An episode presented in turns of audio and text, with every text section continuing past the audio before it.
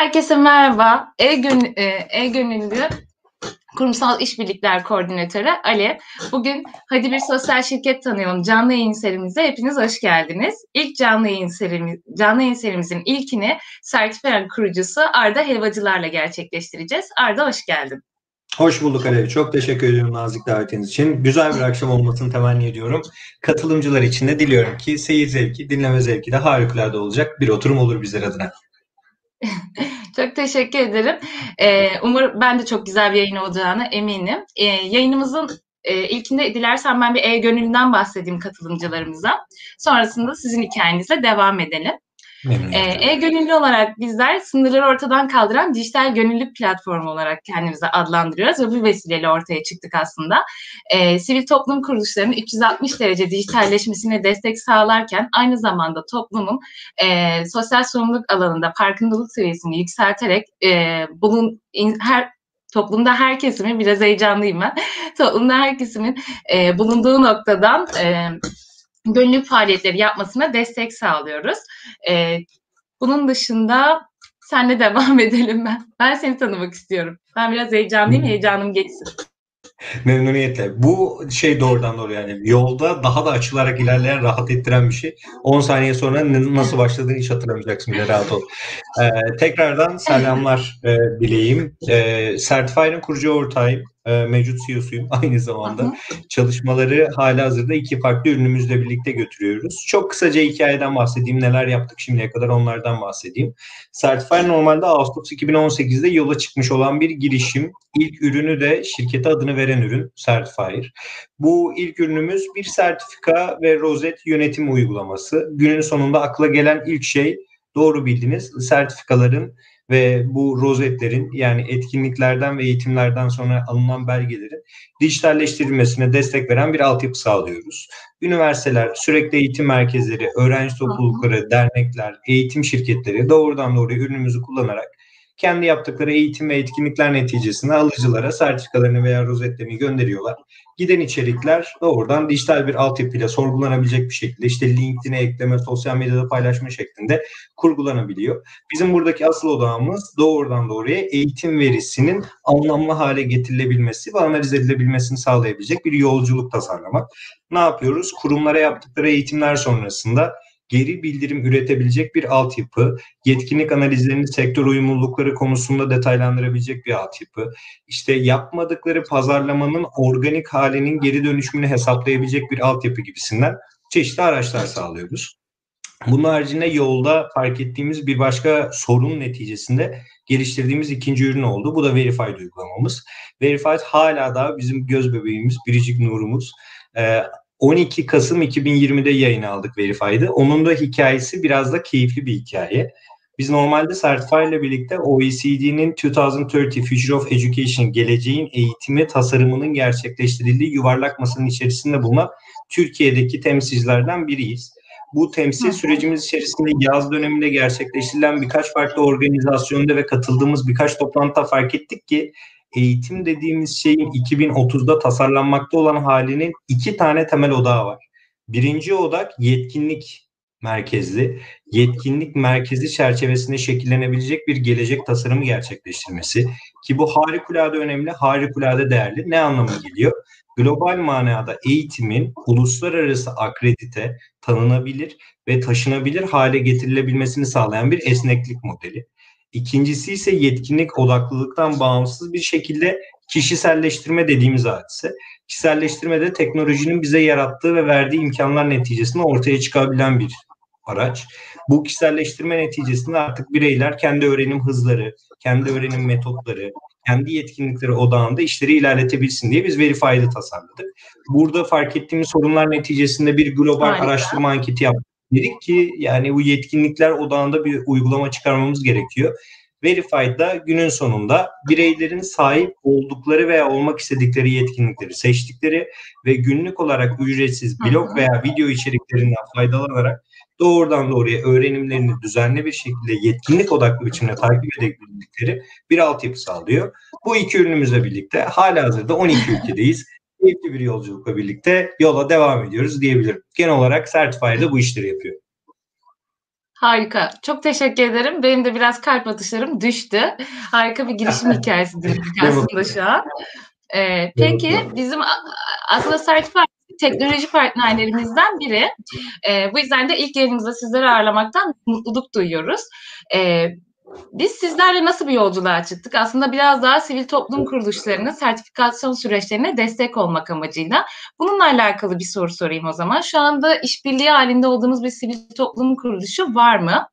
E, ee, STK tarafında süreçler nasıl ilerliyor?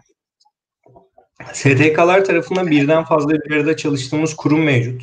Ee, yakın dönemde işte Habitat Derneği ile Türkiye'de en bilindik ha. ve en yakından tanıdığımız derneklerden bir tanesi.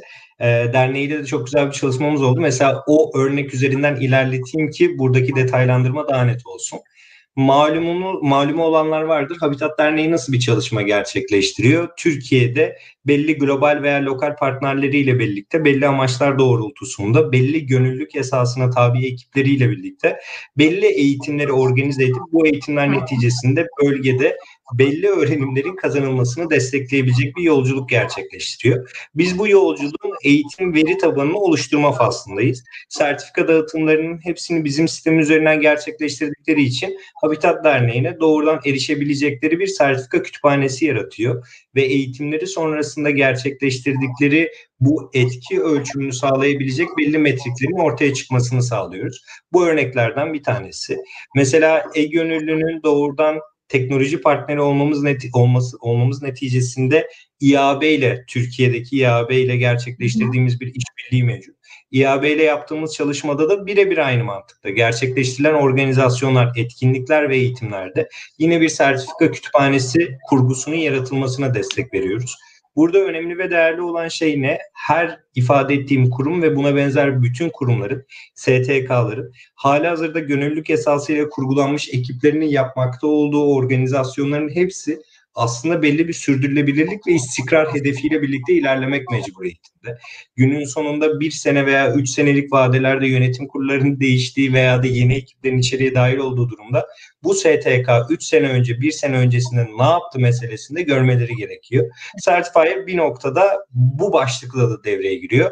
Diyoruz ki vakti zamanda yapılan eğitimleri başlıkları bunlar katılımcılar. Bunlar bu eğitim neticesinde bu belgeleri almışlar ve bu belgeleri de şuralarda kullanmışlar ki günün sonunda dernekte bu yolculukta belli bir bilgi, belli bir bilinç edinimi rahatlıkla sağlayabilmiş şeklinde değerlendirebiliriz. Harika. Açıkçası çok doğru söylüyorsun. Bu zamana kadar yani ben de e, hem eğitim tarafında çalışan biri olarak benim de çokça sertifikam da bulunuyor. Çokça eğitim almama rağmen Alev sertifikaları nerede desen her biri bir, bir köşededir muhtemelen. Onları onları derleyip toplamak benim için bile çok zor oluyor. O yüzden e, bu noktada eminim STK'lara da ki kat, e, katılımcılara da çok büyük rahatlık sağlıyor. E, bu açıdan da harika. Peki e, sizinle alakalı baktığımızda globalde de çalışmalarınızı görüyoruz. E, global tarafta STK'larla yapılan bir çalışmanız var mı ya da böyle bir hedefiniz var mı? Var. Yani buradaki organizasyonumuz neyse aslında yurt dışında da benzeri nitelikler ve amaçlar doğrultusunu ilerletiyoruz. Tabii burada iş kolaylaştırıcı ve aracı olarak e-gönüllü çok güzel bir şekilde konumlan, konumlanıyor.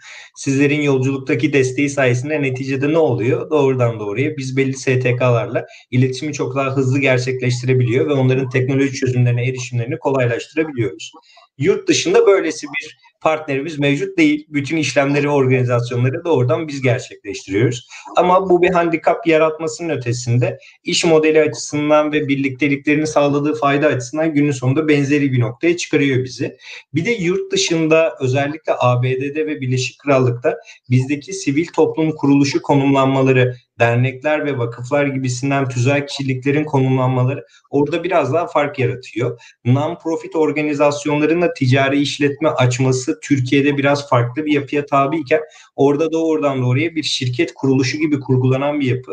Gönüllülüğün çok daha farklı işlediği bir strateji ortaya çıkıyor. Haliyle oradaki çalışmalarımız biraz daha normalde müşterilerimizle nasıl çalışıyorsak aynı ton aynı düzeyde gibi ilerliyor. Biraz daha Türkiye'de fırsat eşliği değil bunun adı kesinlikle. Yerli ve milli bir teknolojiyi yerlilere doğru bir şekilde sunma hedefiyle ilerliyor diyebilirim genel hatlarıyla. Çok güzel. Ee, harika. Umarım e, yurt dışında da partneriniz biz oluruz diye ekliyorum o Çok zaman. güzel olur. Öyle hedeflerin aşamalarda. varsa e-gönüllünün çok mutlu olurum. Harika olur. E, Gönül'ün evet öyle hedefleri var. Başta söyleyemedim. Çok heyecandan ben çok alışık değilim bu sisteme. E, bir anda şey böyle Zoom'daki gibi katılımcı göreceğimi düşündüm ama biz yalnız kaldık. Şimdi biraz daha rahatladım. Evet, bunun, bunun Evet. daha kötüleri de var Elif. Tek başına kameranın karşısında kaldığın durumlar da var. Adapte işte gayri ihtiyar Evet evet şey. özellikle şey ekran paylaşımı yaptığında öyle oluyor ama şu an biraz daha rahatladım. E, e, gönüllü olarak bizim de e, bu şekilde hedefimiz var. Zaten bizim çıkışımız sınırları ortadan kaldırıyoruz derken hem Türkiye'de ilerisinde aslında Türkiye Türkiye'den sonra da dünyada inşallah e, bu tarz çalışmalarımızı devam ettirerek büyümek ve sivil topluma bu alanda fayda sağlamak istiyoruz. Ee, peki. Evet, e, bu konuda çok güzel konuştuk ama yayınımızın amacı aslında hadi bir sosyal şirket tanıyalım. Biz yayın ile çıktık. Amacımız kurumsal sosyal sorumluluk faaliyetlerinin e, hem bilinirliğini hem farkındalığını arttırmak ve e, özellikle Türkiye'de şirketler bu konu e, e, sivil topluma fayda sağlarken kendini nasıl konumlandırıyor? Bizim merak ettiğimiz konulardan biri bunlar. Bu, bu süreçte baktığımızda ee, sen de gönüllülük tarafından e, ben geçmişine baktığımda çokça gönüllülük faaliyetinde bulunmuş bir insansın. Peki Aynen sana ediyorum. Aynen devam ediyorsun. Harika. Online gönüllülük sistemi dediğimde kafanda neler canlanıyor? Bu konuda fikirlerini de duymak isterim. Yani ilk gelen kelime gayri ihtiyari mecburiyet oluyor. Bu dönemde zaten sahada yapabileceğimiz gönüllülük esaslı işler biraz tartışmaya açık durumlar yaratıyorlar. Gel gelelim online gönüllülük bir adaptasyon sürecinden öte aslında sürdürülebilirlik sağlıyor. Şimdi düşündüğümüz zaman aslında özellikle Türkiye'de kabul ettiğimiz bir şey var. Gönüllülük esasıyla gerçekleştirilen işlerde işte sahada belli etkinlikler yapılacak. Sahada biraz daha tırnak içerisinde yardıma muhtaç insanların yanında bulunduğumuz fasıllar olacak. Bir sosyal fayda işte güdüsüyle ilerleyeceğiz ve neticede yaptığımız her şey bu sosyal faydayı ortaya çıkaracak. Aslında Türkiye'de sivil toplum kuruluşlarının dönüşümünü bir 10 sene öncesinden anlamlı bir şekilde dönüştürmeye başladığını görüyoruz. Sosyal faydanın öte sosyal etki ve sosyal etkinin ölçeklenmesi dediğimiz bir gerçek ortaya çıkıyor. Burada iki tane temel anahtar kelimemiz var. Sosyal etki ve doğrudan doğruya ölçeklenme dediğimiz şey. Aslında işte doğrudan bir ormana gidip çöpleri toplamak dediğimiz, bir sahile gidip yerdeki çöpleme, çöpleri toplamak dediğimiz, kan bağışı yapmak dediğimiz şeyler evet bir sosyal fayda modeliyle gerçekleştirilebiliyorlar ama bunlar sosyal faydalar. Sosyal etki dediğimiz şeylerde ise dolaylı yollardan çok daha üstün amaçlara yönelik bir etkinin içerisindeki araç haline gelebilmek ve bu aracı sürdürülebilir kılabilme motivasyonu var. Burada sürdürülebilir kılabilmede de temel gerekçe neticede bir STK'nın her yıl yenilenen az evvel de ifade ettiğim gibi her yıl yenilenen yönetim kuruluyla işleri tekrar başlatması anlamında değil. Bir etki modeli yaratıp onu bir koşuya çıkarmak ve o koşunun neticesinde de global veya lokal partnerliklerle birlikte işleri ilerletmek. İkincisi ölçeklenme. Bu çok değerli. Şimdi ölçeklenme dediğimiz şey ne? Birken 5, beşken 25 şeklinde ilerlettiğimiz işte üstel fonksiyonlar diye ifade edebileceğimiz faaliyetler. Burada da üstel fonksiyonlarda en değerli olan şey şu. Bir STK kaç gönüllüsü varsa o kadar iyidir anlamına gelmiyor. Nice STK'lar var yönetim kurulu kuruluşu için gerekli 7 kişiyi toplamış ve binlerce gönüllüsüne sahip olanlar çok daha fazla hitap edebilen ve çok daha iyi işler çıkarabilen. Nice STK'lar var on binlerce kişiyle birlikte organizasyonlarını gerçekleştirip globalde Birleşmiş Milletler veya da devletler nezdinde işlerde farklılık yaratabilen. Haliyle buradaki ölçek etkisini yaratabilen en temel faktör online tarafta desteklenebilen bir altyapı. E gönüllü bu işi yapıyor işte. Harika bir şekilde de gerçekleştiriyor. Bunun motivasyonunu da sağlıyor, altyapısını da sağlıyor. Haliyle günün sonunda mecburiyet kelimeme geri dönüyorum. Bu mecburiyeti sosyal etki modelini ölçeklendirmek amacıyla doğru bir raya oturtursak işte o zaman se yani seyir zevki yüksek bir e, doğrudan doğruya gönüllülük esasıyla çalışma altyapısı oluşur. O da keyif veren şey olur. Ben de dahil olduğum organizasyonların hepsinde çok uzun zamandır benzeri motivasyonla ve benzeri unvanla ilerliyorum. O da aynı şekilde keyif veriyor diyebilirim. Harika. Ee, evet çok da doğru söyledin. Ee, gönüllünün bir de e, online'da yaptığın zaman çok daha farklı bir aslında yer edinmeye başlıyor. Evet dediğin gibi fiziki anlamda birçok çok gönüllülük yapıyoruz ama bu noktada şey gibi oluyor biraz. Verdiğim bir eğitim ve onun değişimini seyrediyormuşum gibi hissediyorsun. Çünkü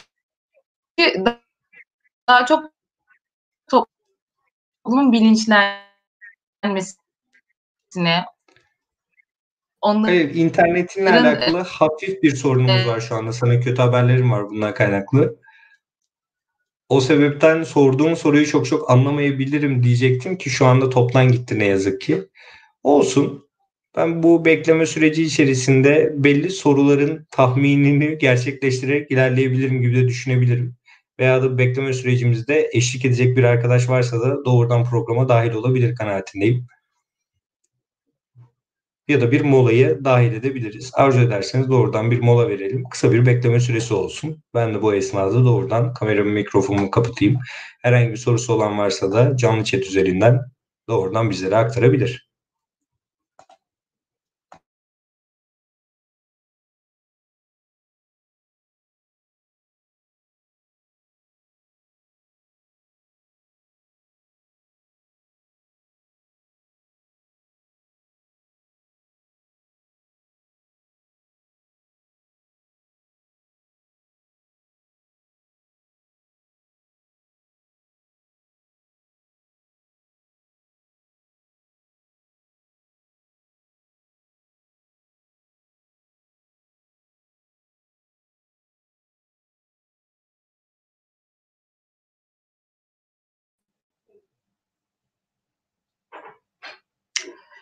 Ee, selam.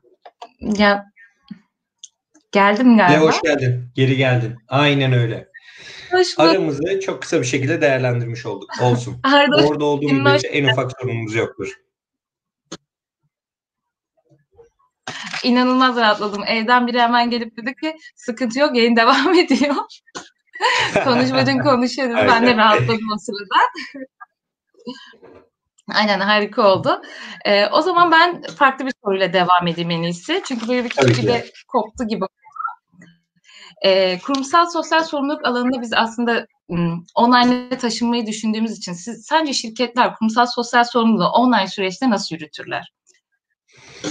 Yani biz bu işi şu anda nasıl gerçekleştiriyoruz? Kısmen toplu gönüllülük esaslarını organize ettiğimiz belli STK'ların içerisinde aktif faaliyetler gerçekleştirerek ilerletiyoruz. Şimdi Certify'ın içerisinde e, sürdürülebilir kalkınma hedefleri doğrultusunda belli başlı yönelimlerimiz olduğu ve aslında Certified ürünümüzün doğrudan işte sürdürülebilir bir çevre yaratma, Certified ve Verified ürünlerimizin eğitimde eşitlik misyonuyla da hareket ettiği kabulü neticesinde zaten gerçekleştirdiğimiz her şeyi bir sosyal fayda modeliyle gerçekleştirme hedefiyle ilerliyoruz. Bunlar bizim için çok çok önemli ve çok değerli. Ama kurumsal olarak bir sosyal etkinliğe dahil olup burada belli bir gönüllülük esası gerçekleştirme noktasında az evvel bahsetmiş olduğum OECD'nin konumlanması çok net. OECD'de global bir gönüllülük esasıyla hareket eden aslında non-profit organizasyon ve bu non-profit bu um, gelir odaklı olmayan organizasyonun içerisinde bizim ekibimizin hepsi dahil.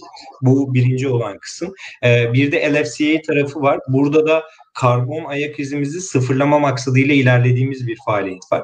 Burada da sadece kurumumuzla ilerlemiyor. Kurumumuzda ta, tabi olan yani her çalışanımızla, her ekip arkadaşımızla doğrudan doğruya bireysel olarak da karbon ayak izimizi sıfırlama motivasyonuyla bir sosyal fayda yaratma hedefiyle birlikte ilerlediğimiz bir e, süreç oluyor. Burada şimdi değerli olan şey ne? Aslında işte online olarak bir sosyal fayda gerçekleştirebilecek gönüllülük işlerini uzaktan nasıl gerçekleştirebiliriz sorusu doğabiliyor.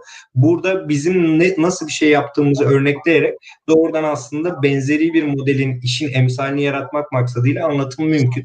Neyden bahsediyorum? İşte mesela OECD'ye Certified Incorporation adıyla dahil olduğumuzda bizim odamızda oradan doğruya şuydu. Ee, OECD'nin 2030 geleceğin eğitimi hedefleri içerisinde öğrenci ve öğretmen odaklı eğitimde sorunları çözme motivasyonu vardı. Ve burada lokalden, bölgelerden doğrudan bilgiyi globale taşıma, globalde raporlanabilmesini sağlama ve bu raporlama faaliyetleri neticesinde elde edilen çıktılarla birlikte yol haritasını kurgulama faslı vardı. Şimdi OECD'nin biz programa ilk başta bir katıldık. Toplamda 28 ülke katılmış. 28 ülkeden biri Türkiye. Türkiye'den katılan kişi sayısı 2. Yani birçok kıymetli profesör hocamız vardı Türkiye'den. Bir de şirket temsilcisi olarak ben vardım orada. Haliyle Türkiye'de öğrencilerdeki durum ne, öğretmenlerdeki durum ne, globalin bunu fark etmesiyle alakalı bir sıkıntı vardı. Ve bu etkinliğe katılım ücretsiz katılım çok kısa bir formla, katılım şartları mevcut olmayacak şekilde ve aslında online gönüllülükle gerçekleştiriliyordu. Yani günün sonunda Ali harika olan şey şu, online gönüllülük dediğimiz şey yapılması çok kolay ve global etkisi inanılmaz derece fazla olan bir şey. Çünkü biz orada masada bulunduğumuz fasılda aktardığımız bütün bilgi neticesinde gerçekleştirdiğimiz online gönüllülük faaliyetiyle Türkiye'de öğrenme anlamında yaşanmakta olan sorunları global arenaya aktarıp oradaki çözümlerin, olası çözümlerin neler olabileceğine katkı sağlayıp çıktı raporunun içerisine imzamızı atıp OECD'nin 2030'a kadar gerçekleştireceği eğitim vizyonunda belli noktalara, belli cümlelerle, belli hareket planlarıyla birlikte dahil olabildik. Bu haliyle kurumsal anlamda da bireysel anlamda da gerçekleştirilebilecek bir şey. Biz bunu gerçekleştiriyoruz. Gerçekleştirmeye niyet edenleri de sonuna kadar tavsiye ediyoruz. Bence fevkalade efektif ve gerçekleştirilebilir.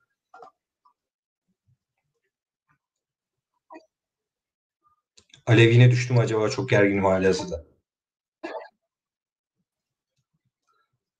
Ee, evet çok geldim. Burada. Böyle Buradasın. canlı yayın kazaları oluyor diye düşünüyorum. Nazar Evet, çıkıyor. Teknoloji harika bir şey ama bazen elimizde olmayan sebeplerde de tabii. Bu bence ilk yayın nazarı Aynen. herhalde benim için. Aynen. Ama Nazardan korkmuyoruz. Biz bu süreci devam ettireceğiz diyorum.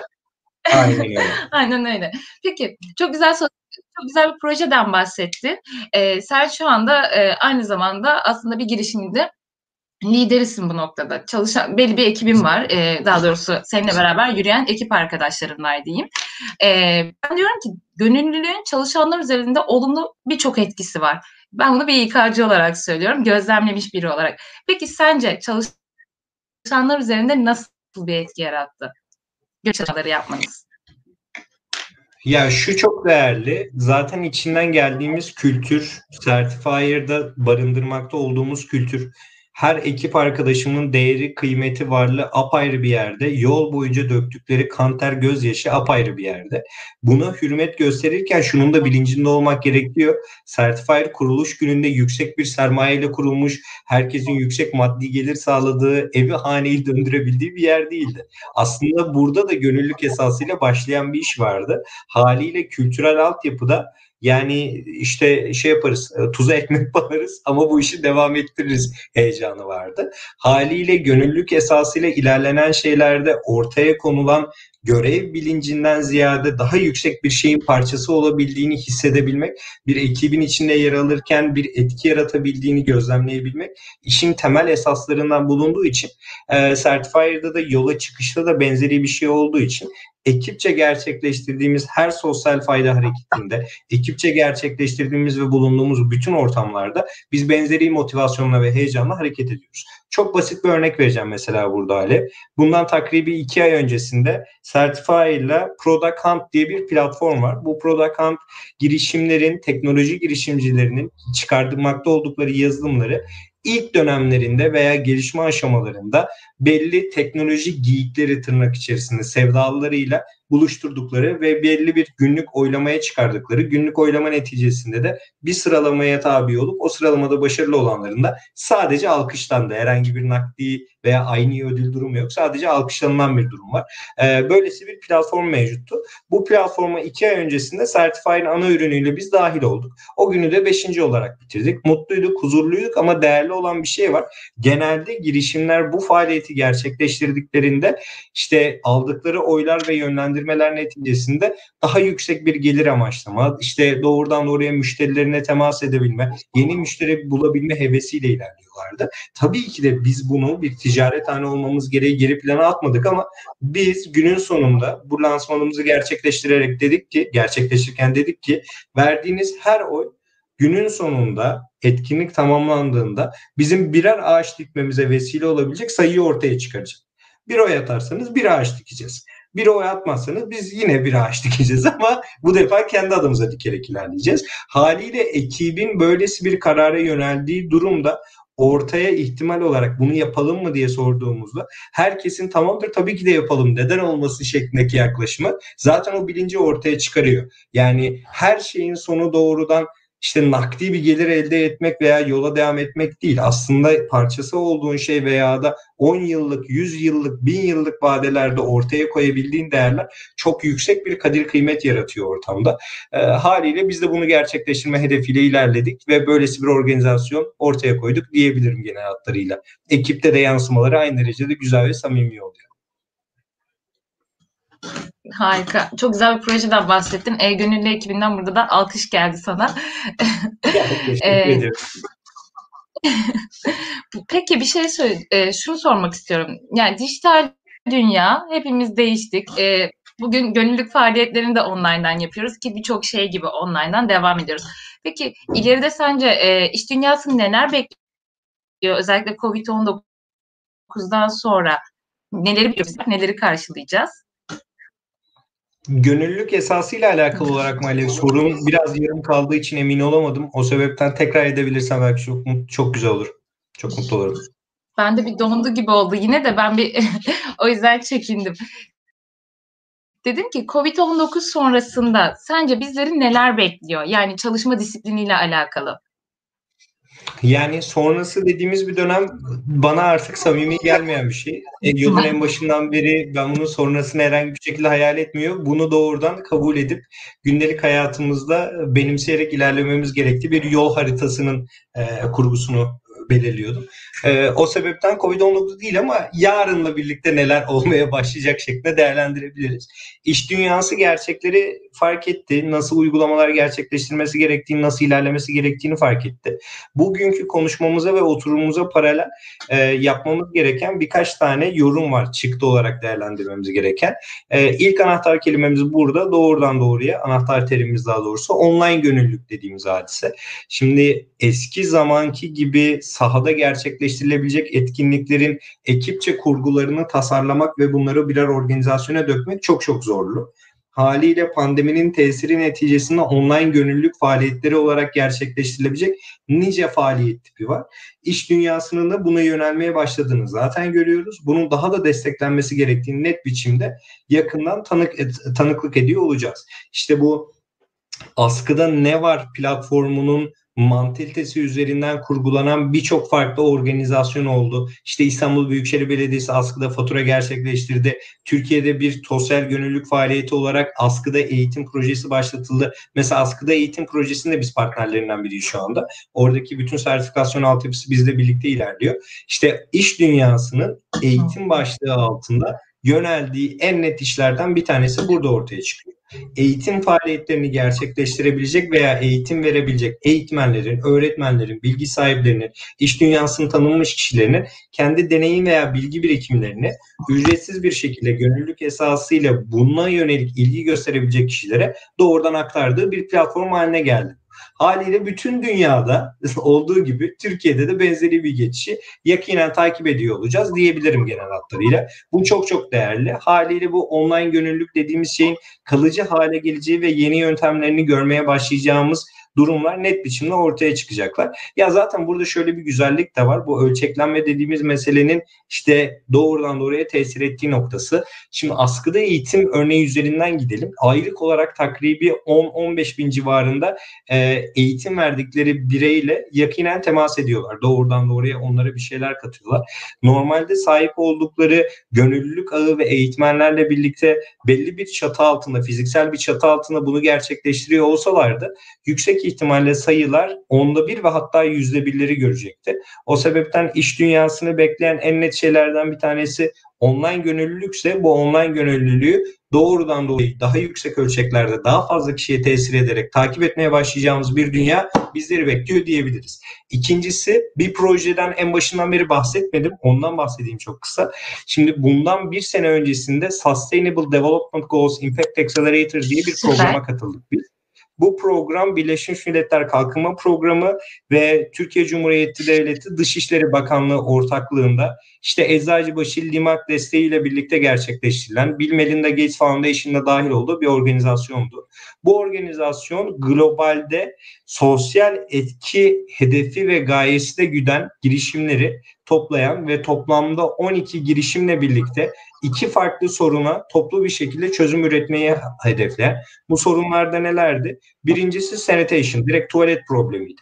Yani işte temiz su olmaması, işte doğrudan doğruya e, gider altyapıları ve kanalizasyon altyapılarının bulunmadığı coğrafyalarda tuvaletlerin kurgusuyla alakalıydı. Bu zaten Bilmelinde Gates Foundation'ın varlık sebebi. Bunu çok çok yakından takip etmek bana çok yüksek keyif veriyor. Ee, ikinci tarafta da dijital kimlik krizi dediğimiz hadise vardı. Bu da mültecilerle alakalı ortaya çıkan en büyük ikinci sorun olarak değerlendirmemiz gereken bir faktör.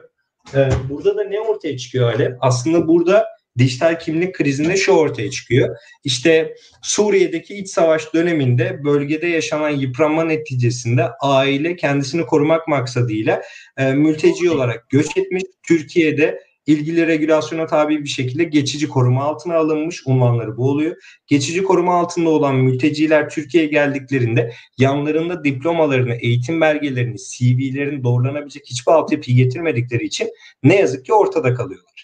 Benim bizzati şahit olduğum bu program içerisinde bizzati gördüğüm ve tanıştığım insanlardan bir tanesi doktor, diğeri avukattı. İlgili üniversitelerden mezun olmuşlar. Yetkinliğe sahipler, lisanslara sahipler. Lisanslar Türkiye'ye getirilemediği ve tanıtılamadığı için kendi mesleklerini icra etmiyor. Biri çaycılık yapıyor, diğeri de işsiz ev hanımlığı yapıyor. Şimdi haliyle böylesi dijital kimlik sıkıntılarını ortadan kaldırabilmenin yöntemi, daha doğrusu kimlik sorununu ortadan kaldırabilmenin yöntemi aslında bağımsız ve doğrulanabilir bir altyapıda kurgulanabilecek bir kimlik uygulamasının ortaya çıkarılması. Buna benzer uygulamalar hala hazırda Avrupa'daki birçok ülkede mevcut. Hollanda bu işin en iyi yapıcılarından bir tanesi. Türkiye'de yerel anlamda böylesi vazifeyi üstlenebilen doğrudan yerel bir teknik altyapı sağlayıcısı mevcut değil. E-Devlet bu anlamda kendi vatandaşlarına enfes bir altyapı sağlıyor. Gel gelelim geçici koruma altında olanlar için belli bir noktadan sonra başlayan bir çözüm olduğuna günün sonunda yüksek bir fayda sağlayamıyor. Biz de pilot proje olarak geçen senenin ikinci çeyreği itibariyle Gaziantep'te geçici koruma altında olan ve işte Gaziantep Sanayi Odası ve Gaziantep Ticaret Odası işbirliğiyle gerçekleştirilen eğitimleri alan kişilere dijital kimlik altyapılarını oluşturabilmeleri amacıyla Fransa'daki bir başka ortağımız da Gravity diye bir firma. Onlarla birlikte bir uygulama çıkardık. Bu uygulama ne işe yarıyor? Alınan eğitimlerin belgelerini bir yere topluyor. CV ile alakalı içeriye koyulan her şeyi bir yere koyuyor. Pasaport bilgileri, geçici koruma altında olanların edindikleri TC kimlik numaraları bunun gibi bütün bilgileri tek bir yere koyuyor ki günün sonunda Türkiye'de iller arası geçişler yapsınlar. Türkiye'den başka bir ülkeye mülteci olarak geçiş yapsınlar. Hiç önemli değil. Aynı belgeler bağımsız bir merkezde depolandıkları, bağımsız bir merkezde değil, bağımsız bir sistemde doğrulanabildikleri için haliyle ne eğitim alındığı kaybolmadan o kişinin bütün birikimiyle birlikte e, şey yapabiliyor, fayda sağlatabilen bir sistem yaratabiliyor.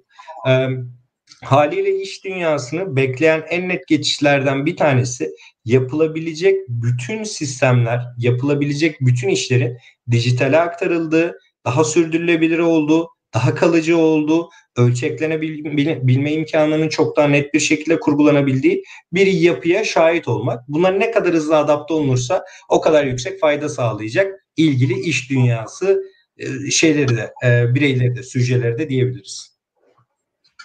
Harika. Sen anlatırken ben şey düşündüm aslında. Ee, çok güzel bir şey bu arada. Zaten olması gereken bir şey gibi.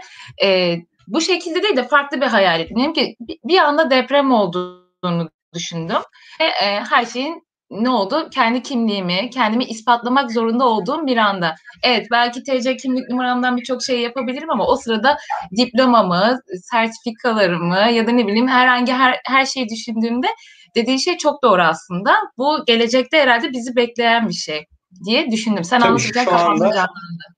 Aynen öyle. Yani şu anda ülkeler nezdinde bunun uygulaması var ama e, ülkeler arasında bunun uygulaması tam manasıyla e, mevcut değil. İşte Certified ve Verified ürünlerimizde mesela bunun gibi sistemlere çözüm yarattığımız bir durum yaratıyoruz. Haliyle en değerli olan şey bahsetmiş olduğun sorunu şimdiden öngörerek bunun için dijital sistemleri elden geldiğince devreye almak. Yani çünkü bu sistemin ortadan kalkabilmesine sebebiyet verecek tek şey globalde internetin mevcudiyetinin yok olması. Zaten internet diyorum elektrik çok özür dilerim. Elektriğin mevcudiyetinin yokluğu neticesinde zaten biz biraz çağlar öncesine geçiş yapıyoruz. O sebepten e, diliyor ve ümit ediyorum ki öylesi bir terslikle karşılaşmaz. Bir Netflix filmini gerçek hayatta geçirmeyiz. Hayırlısı olsun. evet. Peki.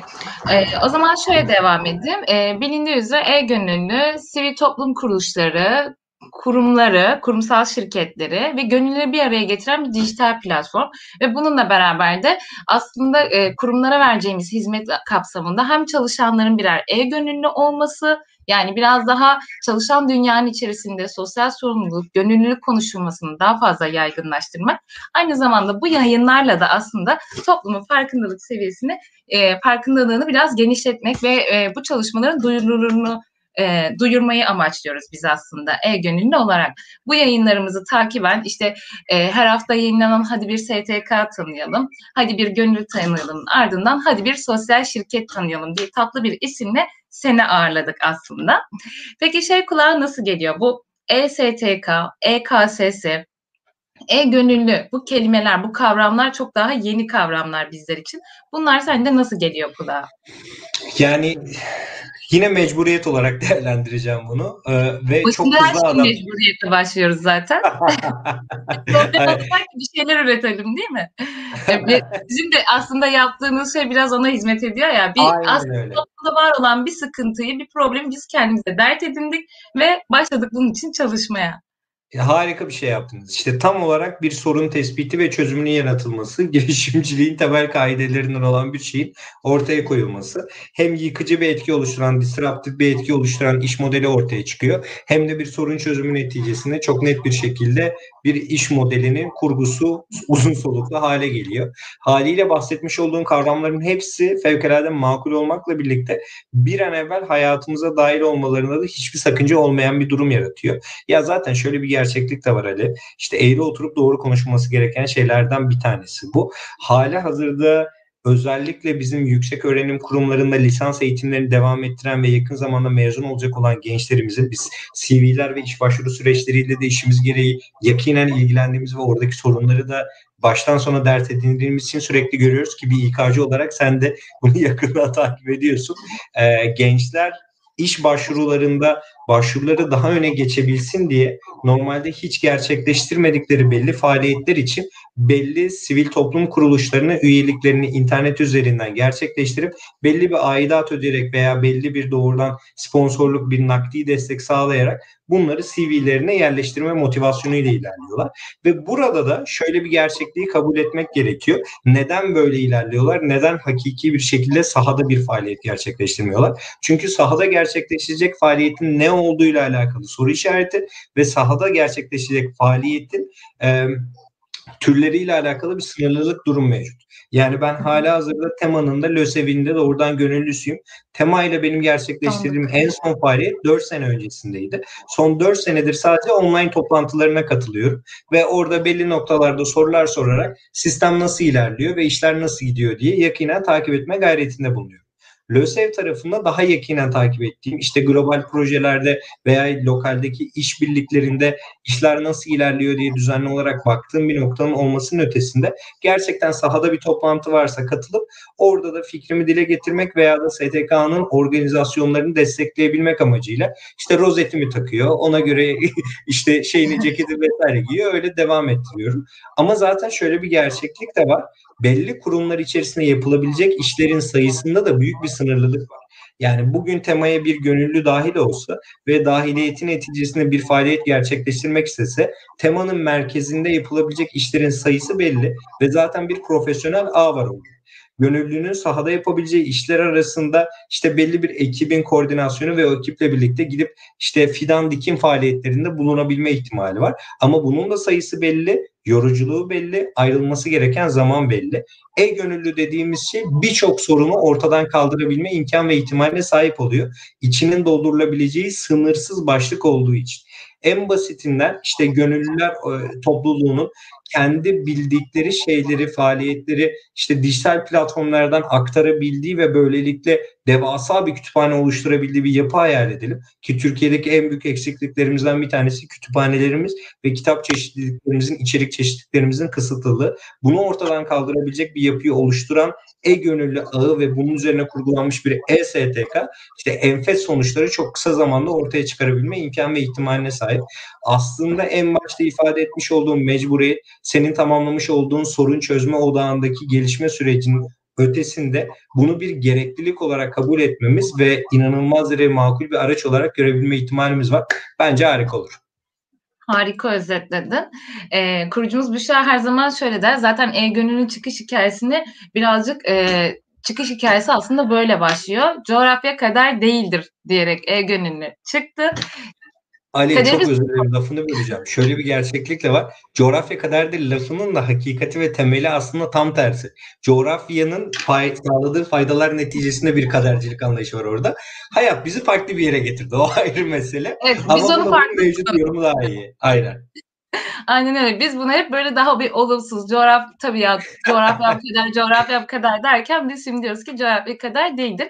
E, gönüllüyle beraber aslında yayına yeni katılan insanları da buradan bahsetmiş olayım. Türkiye'nin her noktasından e, e, sadece internet sağlayıcıyla beraber e, her noktasından gönüllü faaliyetlerinizi yürütebilirsiniz. Bu da bize hem zaman açısından en, en önemlisi zaten hani en değerli şey zaman diyoruz ya sürekli.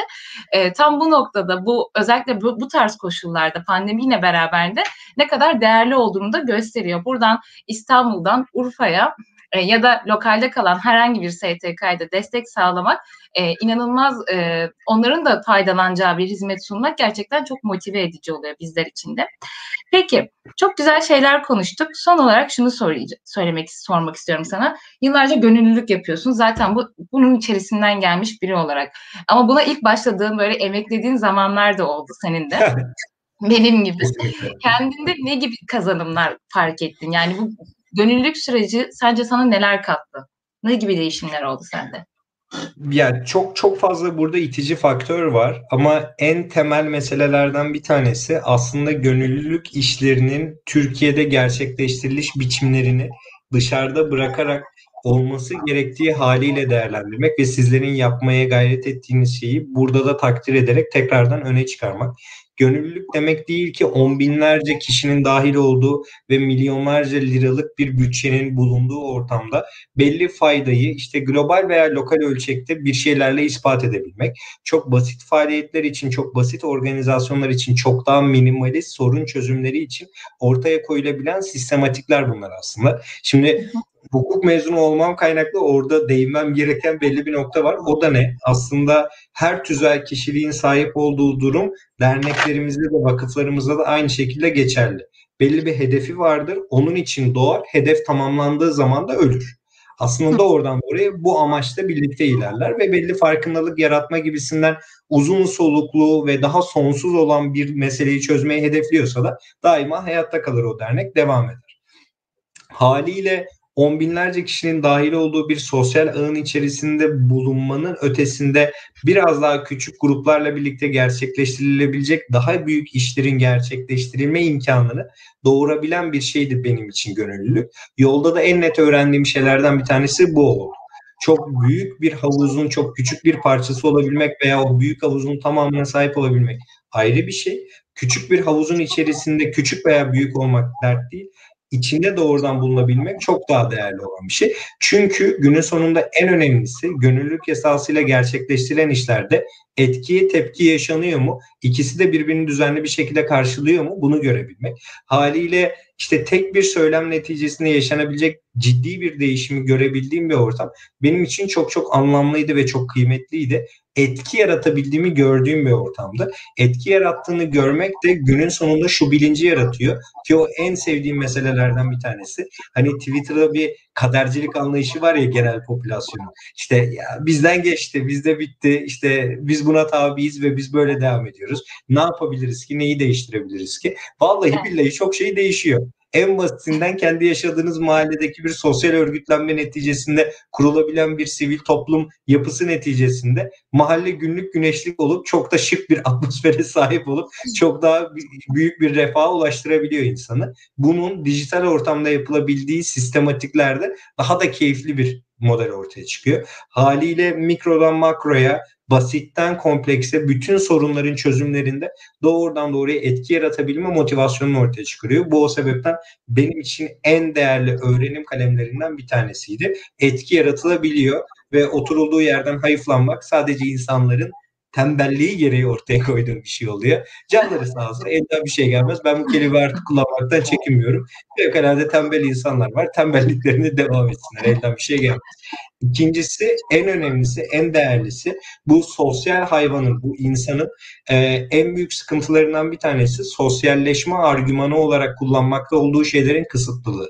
Ya ben bunu kendi akranlarımda da çok yaşadım. Kendi küçüklerimde de çok sık görüyorum ve her defasında aynı bilinçte aynı öz eleştiriyi yaptıkları için bir şey de diyemiyorum aslında çözümün çok belli olması hadisesine. İşte bir araya gelelim, gelelim, oturalım bir yerde çay kahve içelim, içelim, yemek yiyelim, yemeği yedik. Dönen sohbet muhabbetin yüzeyselliği dediğimiz bir hakikat var. İşte o muhabbetin hiç kimseye hiçbir iş yaramadı, hiçbir işe yaramadı. Biz çok dedikoducu biz toplumuz diye bir genelleme motivasyonu var. E zaten konuşacak bir şey yoksa konuşulacak olan şey birbirinizdir gerçeğin ortaya çıktı. Haliyle İş yapmak dediğimiz şey eğer ki yaptığınız bir iş varsa yapılmak zorunda değil. Eğer ki konuşulacak olan diziler o hafta Netflix'e trending'de bulunanlarsa onların da tüketimi çok bariz biçimde olan bir şey. Günün sonunda elimizde ne kalıyor? Doğrudan doğruya birlikte gerçekleştirebileceğimiz faaliyetler silsilesi kalıyor.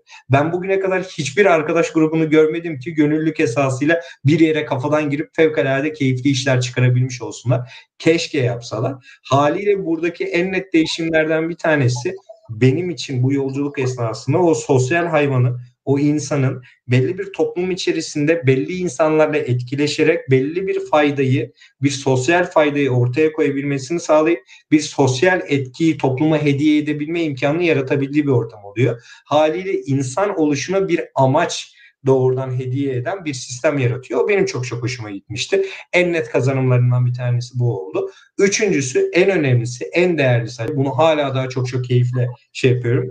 Ee, dile getiriyorum. E, sivil toplum kuruluşlarının muazzam ve üstün bir vazifesi var.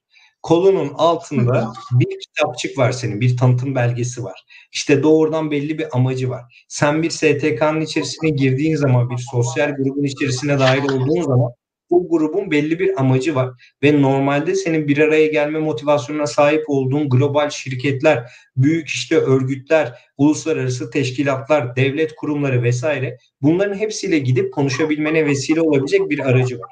Senin günlük hayatında yaşadığın dertlerle alakalı olarak kalkıp şey yapabilirsin ilgili kurumun kapısına dayanıp şikayette bulunabilirsin. Senin şikayetin kayda alınıp çözüme ulaştırılması için süreç oluşturur. Veya da bununla birebir alakadar olan bir sivil toplum kuruluşuna dahil olursun ve o toplulukla birlikte o sorunu çözme motivasyonuyla bir ilerleme gösterirsin. Hem bahsetmiş olduğum ilk iki faydayı kendine sağlarsın hem de o kapıdan girebilmene ve sürekli o masada kalabilmene vesile olan bir sistem yaratırsın. Bu da enfes yapılardan bir tanesi. Haliyle bir araç olarak da değerlendirilebildiği bir durum var e, sivil toplum kuruluşlarının. O sebepten bana naçizane faydaları daima bu bahsetmiş olduğum üçlü oldu. Bunun üzerine tabii sınırsız çok daha fazla şey var yolculukta tecrübe ettiğim. Gel gelelim en temel ifade edebileceğim şeyler e, bunlar diye naçizane özetleyebilirim. Çok güzel özetledin. E, kesinlikle katılıyorum ve hepsine katılıyorum hatta. E, şöyle bir kavram var Japonlarda. Japon ikigai diye bir kavram var. Hayat amacınız. Hayat amacınızı belirleyin diye.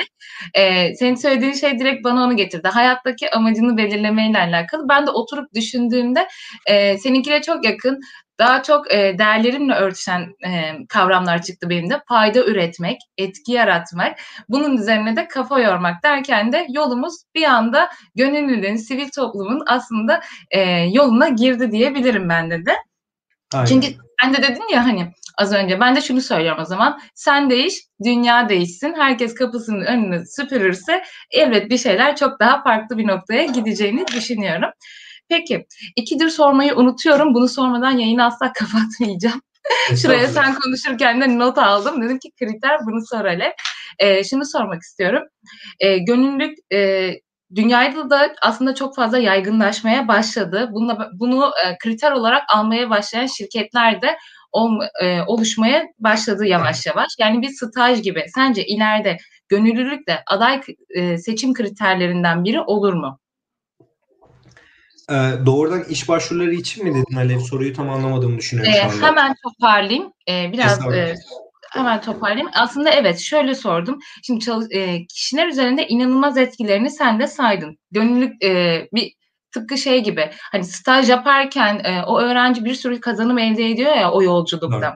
İş dünyasına başlamadan önce ileride şirketler gönüllülüğü de bir kriter olarak belirler mi? Ya ya da şöyle söyleyeyim aday seçiminde öncelik olduğunu ben düşünüyorum e, aday sırasında. Önceliklendirme illaki oluyor. Çünkü bir organizasyonda var olmuş. Belli bir amaca koşan kişiler tabii doğal olarak da e, kendini o alanda geliştirmeye ya da yetkinlik kazanmaya başlıyor.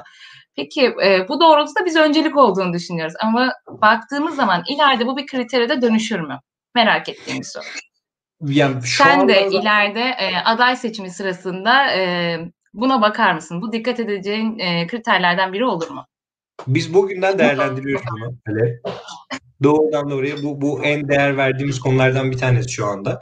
Ee, aslında buna neden değer veriyoruz? Bir de onu ifade etmek istiyorum. Şimdi özellikle Türkiye'de işte yüksek öğrenim kurumlarında işte lisansta devam eden faaliyetlerini öğrencilerin mezuniyetlerine yakın dönemde yapmakta oldukları o CV'lerle başvurdukları işlerde e, doğrudan doğruya kendilerini önceliklendirebilmeleri adına kullandıkları en net şeylerden bir tanesi o kulüp faaliyetleri. Şimdi kulüp faaliyetleriyle alakalı bir handikap var, bir de fayda var. Kulüp faaliyeti dediğimiz şey o sosyal topluluğun içerisinde bulunmanın faydası aslında STK'larla bulunmakla neredeyse aynı. Nedir? Gönüllülük esasıyla bir amaç doğrultusunda gerçekleştirilen organizasyonlar ve etkinlikler silsilesi. Bunlar neticesinde de birer kazanım. Ama kapalı devre bir ekosistem içerisinde bunu gerçekleştiren öğrencinin sağlamış olduğu fayda ve kazanımlar belli bir sınırda tutuluyor. Haliyle biz belli bir CV'yi öğrenciden geldiyse değerlendiriyorsak eğer ki bir kulüp faaliyetinde bulunduysa ve iyi bir şekilde bulunduysa iyidir. Ama daha da iyisi bir STK'da bulunduysa. Çünkü STK dış dünyayla etkileşimlere açık, daha büyük ölçekte yönetilmiş projelerle birlikte ilerleyen ve etkilerini bir kurum adı altından bağımsız bir şekilde gördüğümüz bir ortam yaratıyor. Ki bu bizim için en değerli olan şeylerden bir tanesi işe alımda. Çünkü zaten yeni başlayacak olan bir öğrencinin sahip olduğu sıfır tecrübeyle işi nasıl yapacağını öğrenebilmemiz için mevcut olan kaynaklar ortada olmadığı için en net ihtimal olarak ve çıktı olarak değerlendirebileceklerimiz bunlar. STK faaliyetleri de haliyle çok net bir şekilde yüksek fayda sağlatıyor bugünden bizlere. Zaten bunu değerlendirmeyecek olan bir kurum varsa da öğrenci almıyordur.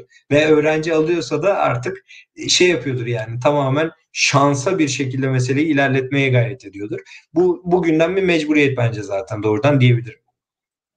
Çok teşekkür ederim. Çok da güzel söyledin. Ee, ya sorularım o kadar çok ki. Ya gönüllülükle ilgili neler söylemek istersin diyeceğim. Ama böyle e, konular da uzun. Gittikçe de gidecek gibi. E, o yüzden ben e, sana teşekkür ediyorum. E, beni çok rahatlattığın için ilk yayınımda. Gittim geldim ev sahipliği yaptın. Onun için de ayrıca teşekkür ederim. Ee, biz e, harika. Biz bu yayın serisinde e, dedik ki çalışanlar, toplum ve kurumlar açısından gönüllülüğü, sosyal sorumluluğu tartışmak, bunun üzerinde aslında nasıl etki yaratılır bunu konuşmak. Amacı da hizmet eden bir yayın oldu benim için. E, eminim katılımcılar için de, dinleyiciler için de öyledir. Onları her ne kadar ben görmesem de e, ve biraz hala e, kapanış sırasında bile heyecanlanıyorum. Canlı yayın serimizin ilkini Sert Yar'dan Arda ile gerçekleştirdik. Bu yayın serisi devam edecek e, ve biz bunu konuşmaya, gönüllülüğü konuşmaya, sosyal sorumluluğu ve şirketler üzerinde konuşmaya devam edeceğiz. Şurada soru var mı diye bir bakayım. Gül şöyle bir soru sormuş. Konu bu soruları sen cevaplayabildin mi ben yokken? Yok hayır. Sen yokken çok kısa bir ara verdik biz doğrudan doğruya. O esnada cevaplayamadım ama e, Gül'ün sorusu konuşmanın tam ortasına geldiği için hangi konuyla o, alakalı olduğuna emin değilim. Ee, o sebepten Evet. şey de yapabiliriz. Yani Gül'ün sorusunu e-mail yoluyla veya LinkedIn kanalıyla da cevaplayabiliriz belki. Evet, evet, ben de daha yeni görebildim. Yani chat kısmına daha yeni bakabildim. O yüzden de var mı diye soru bakıyorum. Yok. Ee, çok teşekkür ederim katılımın için. Tekrardan. Ben teşekkür ederim. Bana nazik davetiniz için ben teşekkür ederim. Keyifli bir organizasyondu. E Gönüllü doğrudan doğruya memlekette çok değerli bir işi yapma vazifesiyle ilerliyor. O sebepten hem kurumsal olarak hem de bireysel olarak yakinen temasta bulunmanın ayrı mutluluğunu, ayrı ayrıcalığını yaşıyorum. Bunu sağladığınız için ben teşekkür ediyorum. Diliyorum serinin ve serilerin devamı da fevkalade fayda sağlayacaktır. Çok sağ olun. Çok teşekkür ederim. Görüşmek üzere. Görüşmek üzere.